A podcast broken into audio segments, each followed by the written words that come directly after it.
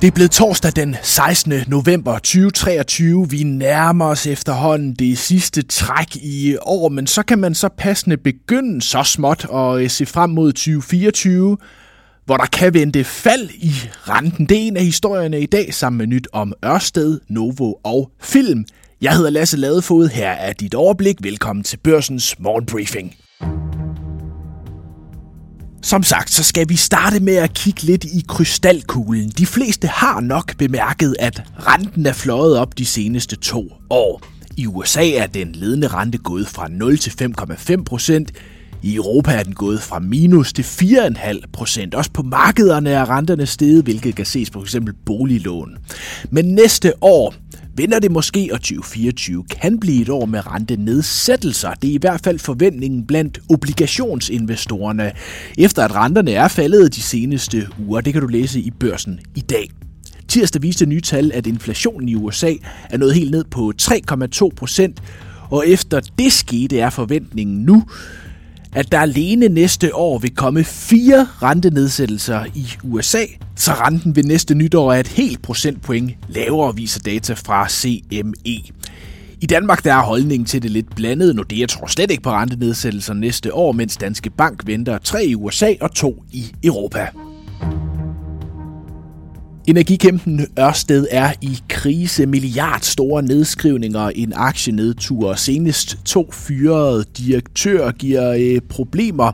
Og nu vil Ørsted have sin kapitalstruktur set efter i sømne, og vil også øh, revurdere sin store investeringsplan, vækstambitioner og de langsigtede mål. Som en del af det arbejde har øh, Ørsted hyret det internationale konsulenthus Boston Consulting Group. Det kan du læse i børsen i dag.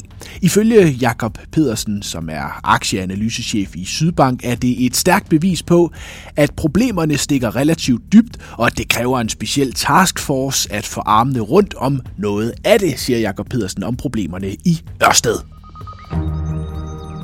Så skal vi til øh, tophistorien hos Jyllandsposten Finans. Det offentlige kan ikke finde ud af at overholde tidsplaner eller budgetter, når der skal bygges nyt.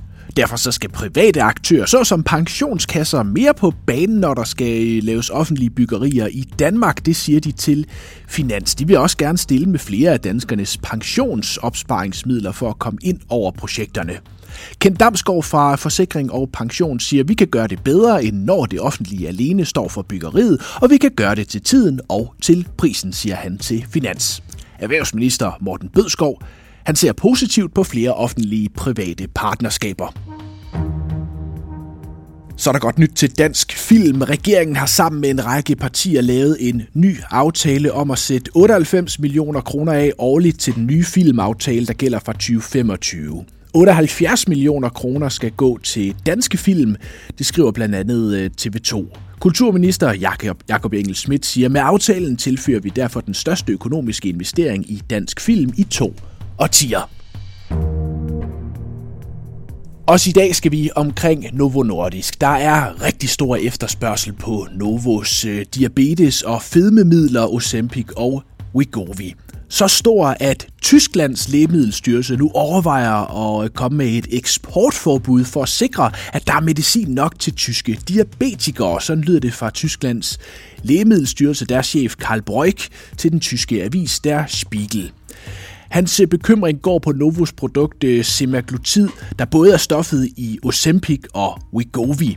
Den store efterspørgsel på Wegovy, altså vægttabsmidlet, har fået nogle læger til at udskrive Ozempic som erstatning, da det er samme aktivstof, de indeholder. Det er egentlig lovligt nok, men det betyder, at der ifølge Tysklands Sundhedsstyrelse altså ikke nødvendigvis er nok Ozempic til øh, diabetikerne. Han siger, at det bliver eksporteret ud af Tyskland, fordi medicinen er billigere øh, der end for eksempel i USA og flere andre europæiske lande.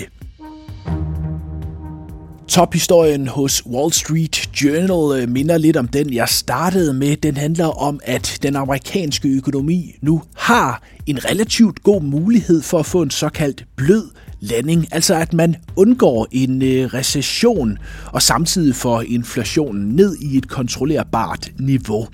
Det er nu forventningen øh, blandt økonomer, som er blevet spurgt af Wall Street Journal. For bare 6 måneder siden var det en klar forventning blandt økonomer en recession inden for 12 måneder, men de har ændret holdning nu, senest efter inflationstallet fra USA tirsdag, som øh, giver et håb om, at man altså kan kontrollere inflationen uden flere rentehop. Hvis øh, økonomerne her har ret, så vil det være ganske usædvanligt, skriver Wall Street Journal hen over de sidste 80 år. Der har Federal Reserve aldrig fået banket inflationen i bund af betydning uden samtidig at starte en recession. Også investorerne er optimistiske. Stigningerne fortsætter i øh, USA. Tirsdag var den bedste dag på Wall Street siden april, og onsdag bød på flere grønne tal, om end i den beskidende ende S&P 500 steg 0,2 procent. Også i Danmark var der pæne plusser, øh, og C25 steg 0,4 procent. Nogle af de hårdt ramte aktier, Netcompany og Bavaria Nordic, endte i toppen. Og vi slutter som end også dagens briefing på aktiemarkedet. Der er en ny udgave af Børsens Investor Podcast ude nu. Den handler blandt andet om en af de mest succesfulde danske aktier de senere år, nemlig Shape Robotics, der laver robotteknologi til uddannelser, såkaldt EdTech. Den er steget over 200% siden sin øh, notering på Nasdaqs øh, vækstbørs, men nu vil Shape Robotics op i den store liga og noteres på hovedbørsen.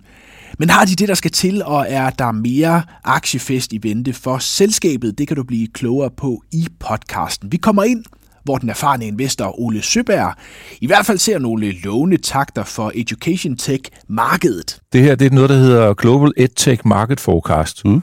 Og der var i, i omsætter i dollar for øh, øh 12 måneders run rate, den ligger på, lad os sige, 15 millioner dollar eller noget den stil, ikke? Det vil være 100 millioner kroner. Det er lidt under virkeligheden, men altså det omkring. Markedet i henvendes til, det var i 2022 på 130 milliarder dollar, og det fordeles med en tredjedel i hardware, software og content. Og det ventes at vokse 12% 13 procent om året til 420 milliarder dollar hen i 2032. Så et eller andet sted, så sidder I og kigger ind i en verden, hvor øh, det ser jo meget bedre ud end for eksempel det, som er meget populært i år, nemlig uh, obesity drugs fra Novo Nordisk og Eli Lilly. Så et, hvis I kan fortælle det her på en god måde og ramme den helt rent, så er den der jo.